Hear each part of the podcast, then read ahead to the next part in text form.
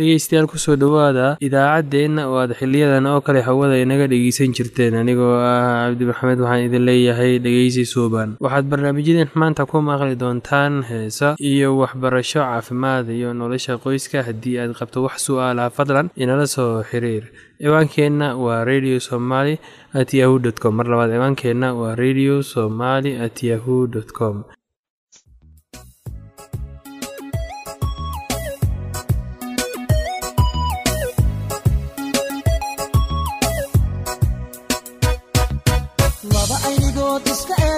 eegtayo iska amina ammaan mudane indhaca shaqo isku ooyayo is-ilaashada ammaan mudane axdigay dhigteen u adkaystayo aroos gala ammaan mudane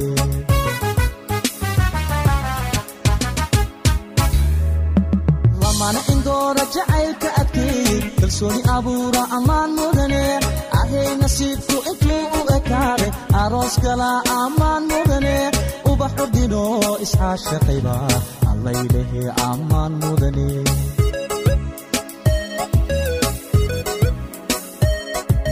Laba aynigood iska eegtayo iska amina ammaan mudane. Indhaca shaqo isku ooyayo is-ilaashada ammaan mudane. Axdigay dhigteen u adkaystayo aroos gala ammaan mudane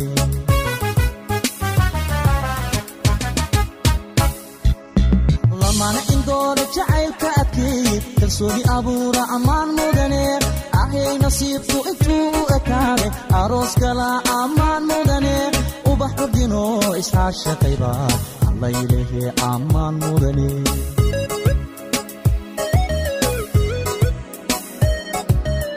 gayan isdoortaa ehelku taamaa arooskooda aqal la seesaa dhiga aslan iyo kabad la uuntaa ubax udgoonana lagu daadiyaa allaylehe ammaan waad istaahishaa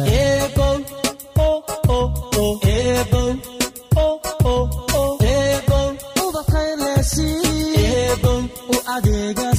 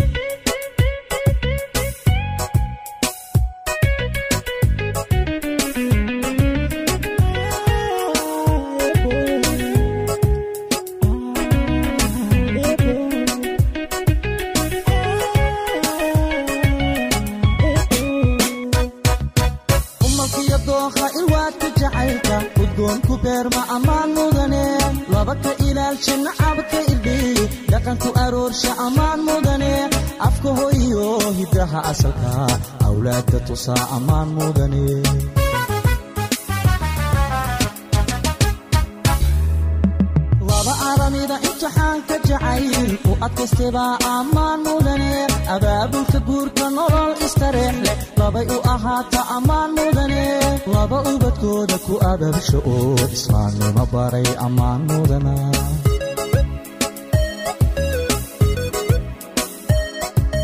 malkiyo dookha ilwaadka jacaylka udgoonku beerma ammaan mudane laba ka ilaalsha nacabka irdhiy dhaqanku aroorsha ammaan mudane. Afka hoyo hiddaha asalka. Awlaadka tusaa ammaan mudane.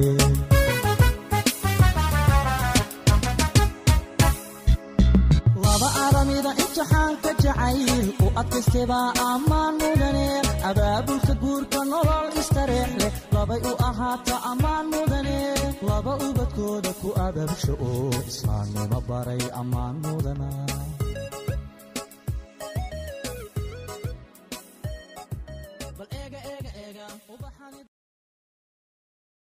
guurka intiisa badan wuxuu u burburaa? Maanta guurka intiisa badan muxuu u burburaa? Sababooyin fara badan ayaa laga bixin karaa arrintan laakiin sababta ugu weyn ayaa waxay tahay isu diyaarin la'aanta guurka.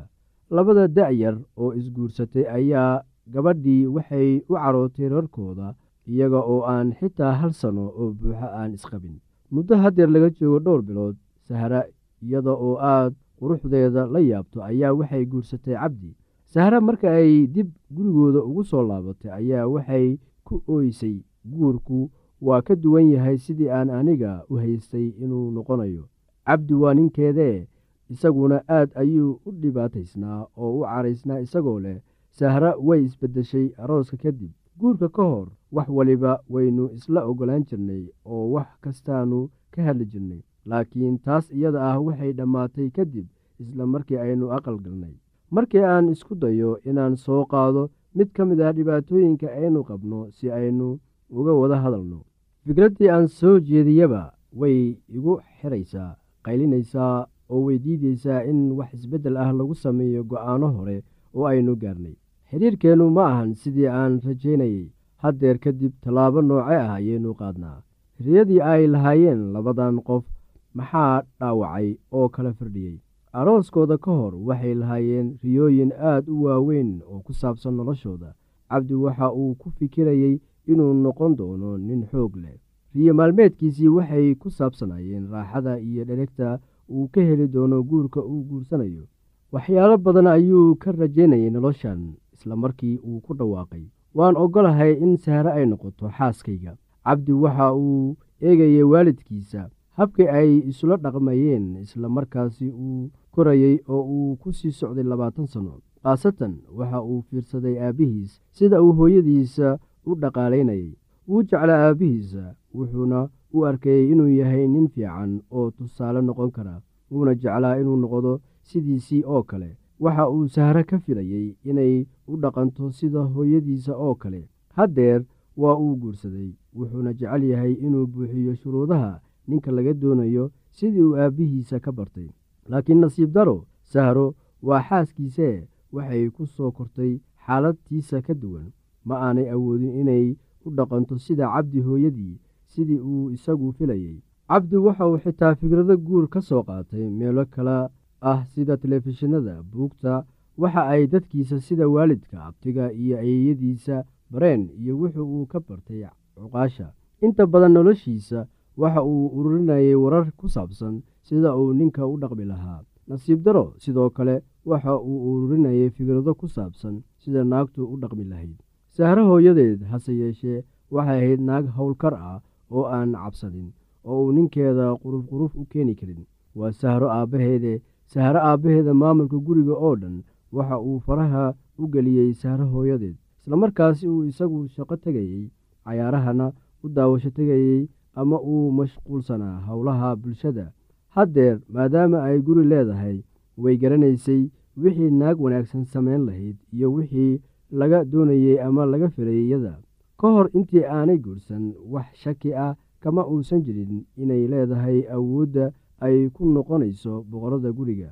Waxay awooddeeda muujinaysay mar alle markii la soo baahdo haddeer markii ay fursaddii timid arrintii meel ayay iska noqotay. Cabdi waxa uu diiday inuu qaybtiisa cayaaro sidii nin wanaagsan laga filayay. Tanina waxay rabsho u keentay sahro. Waxay ku ooyeysay sida tan wax walba oo aan isku dayo inaan sameeyo waxa ay ka xanaajinayaan cabdi. Madaxa ayuu ii taagayaa oo wuxuu doonayaa inuu i xukumo. Intii aanan isguursan sida wuu ka duwanaa. Waa run cabdi ma uusan ahayn sida guurka ka hor. Maxaa wacay? Waxa uu sheegayey goortii uu cayaari lahaa booska ninka waxa uu cayaarayey booska saaxiib jacayl taasna waxa uu joojiyey markii uu guursaday ee ay ahayd inuu cayaaro booska ninka. Dadka badankiisa tan oo kale ayaa qabsata maxaa yeelay dadka waxay guurka ku waajahaan fikrad jacayl oo qalalan iyaga oo moodaya in wada noolaanshaha ninka iyo naagta ay yihiin wax fudud. Xiriirkii adkaa ee guurka sanadba sanadka ka dambeeya wuu sii wiiqayaa labada wada joogta sidii hore isuguma faraxsanaanayaan inay guurkooda ku kalsoonaadaan oo sidii hore isugu bogaan waa wax aan meesha ku jirin. Bulshadii ayaa waxay ogolaatay in kuwan wax soo saarka leh ee da-da yar ay ku laqmaadaan guurkan muranka ka taagan intii ay wax meel gal ah u qaban lahaayeen bulshada. Waddamada intooda badan waxay si wanaagsan qofka ugu diyaariyaan waxyaalo badan oo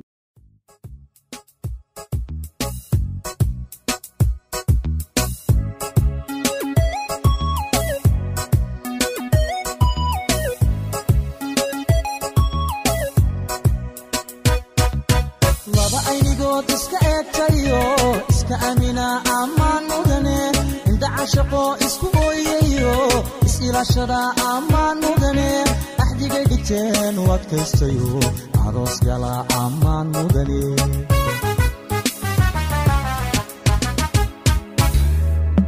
lamana indoora jacaylka adkeey kalsooni abuura ammaan mudane ahay nasiibku intuu u ekaade aroos gala ammaan mudane ubaxu dhino isxaashaqayba allaylehe ammaan mudane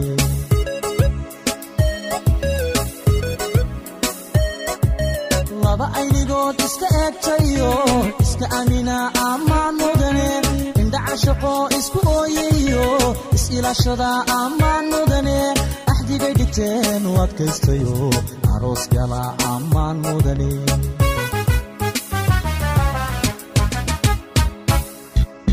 lamana indoora jacaylka adkeey kalsooni abuura ammaan mudane ahay nasiibku intuu u ekaade aroos gala ammaan mudane ubax ordino isxaashaqayba allaylehe ammaan mudane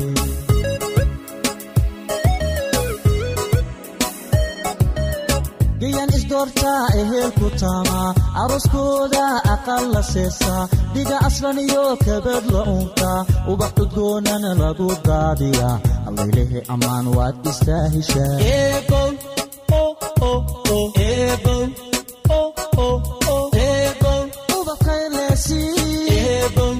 u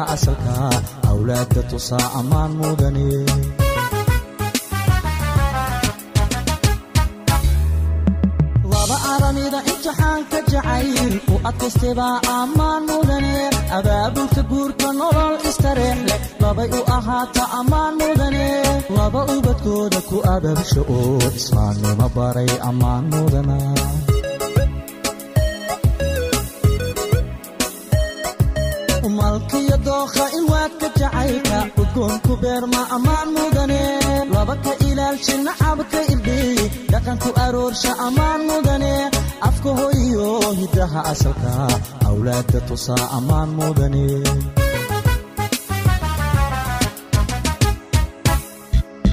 laba aramida imtixaanka jacayl u adkaystebaa ammaan mudane abaabulka guurka nolol istareex leh labay u ahaata ammaan mudane laba ubadkooda ku ababsha oo islaamnimo baray ammaan mudana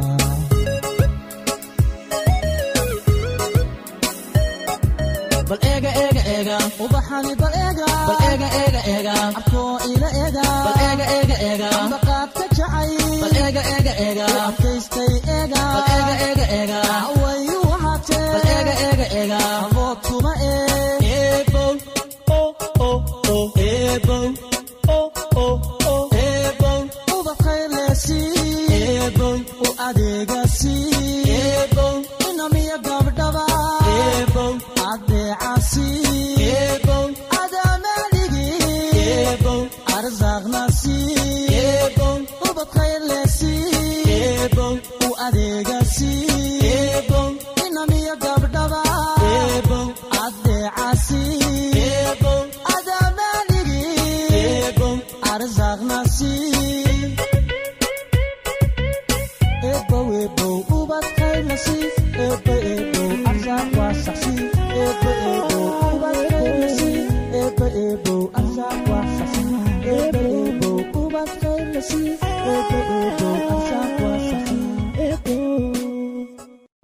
kaga hadlayno tusaalaha caafimaadka.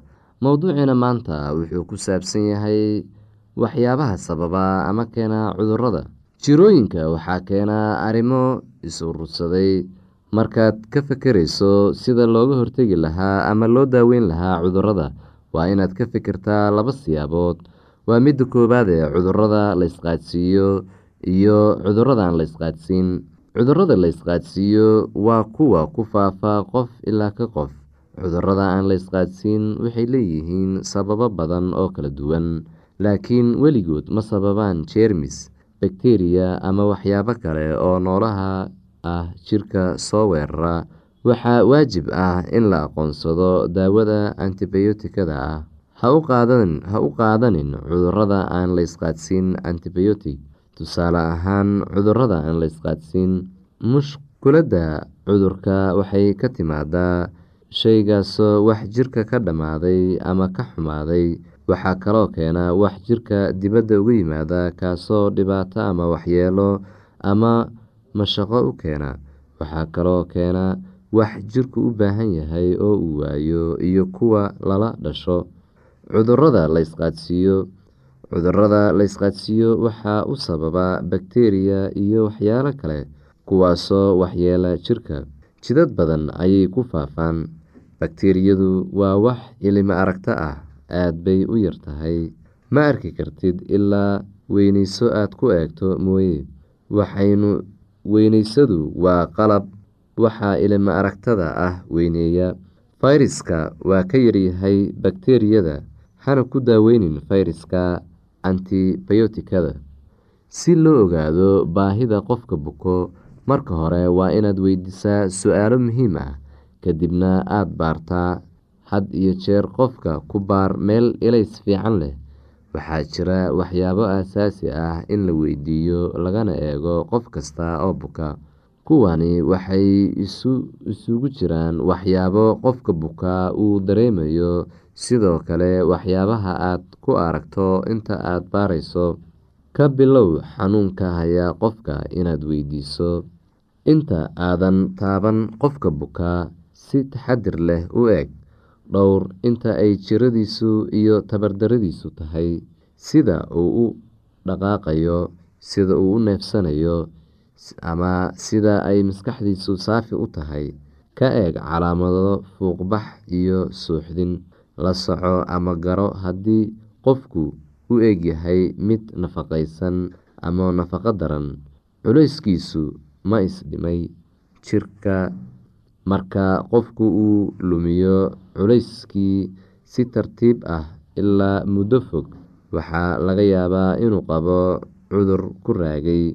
Midda kale eeg midabka indhaha iyo jirka. Dareen gaar ah si sida qofka bukaa u neefsanayo mid hoos u dheer ama gaaban. Inta jeer uu qofku qaadanayo neefta intay dhibayso ogsoonow haddii labada dhinac ee xabadka ay isku si u wada nuuxsanayaan marka uu neefsanayo si deggan u dhegeyso dhawaaqa neefsashada. Badanaaba waa caqli wanaagsan in la hubiyo heer kulka qofka xitaa hadduusan qandho qabin waa muhiim in la baaro goorta ay qandhadu timaado iyo sida ay ku timaado inta ay joogeyso iyo siday u deyso tani waxay kugu caawineysaa in aad aqoonsato cudurka. Si gaar ah u eeg xoogga tirada qadarka iyo toosnaanta garaaca wadnaha haddii aad hayso saacad tiri garaaca daqiiqadiiba. Garaaca caadiga ah dadka waaweyn waa lixdan ilaa siddeetan daqiiqadiiba. Caruurta waa siddeetan ilaa boqol daqiiqadiiba. Dhallaanka waa boqol ilaa afartan daqiiqadiiba. Fiiri midabka qeybta cad ee indhaha ma caadiba casaan ama jaalle si gaar ah u eg wiilka indhaha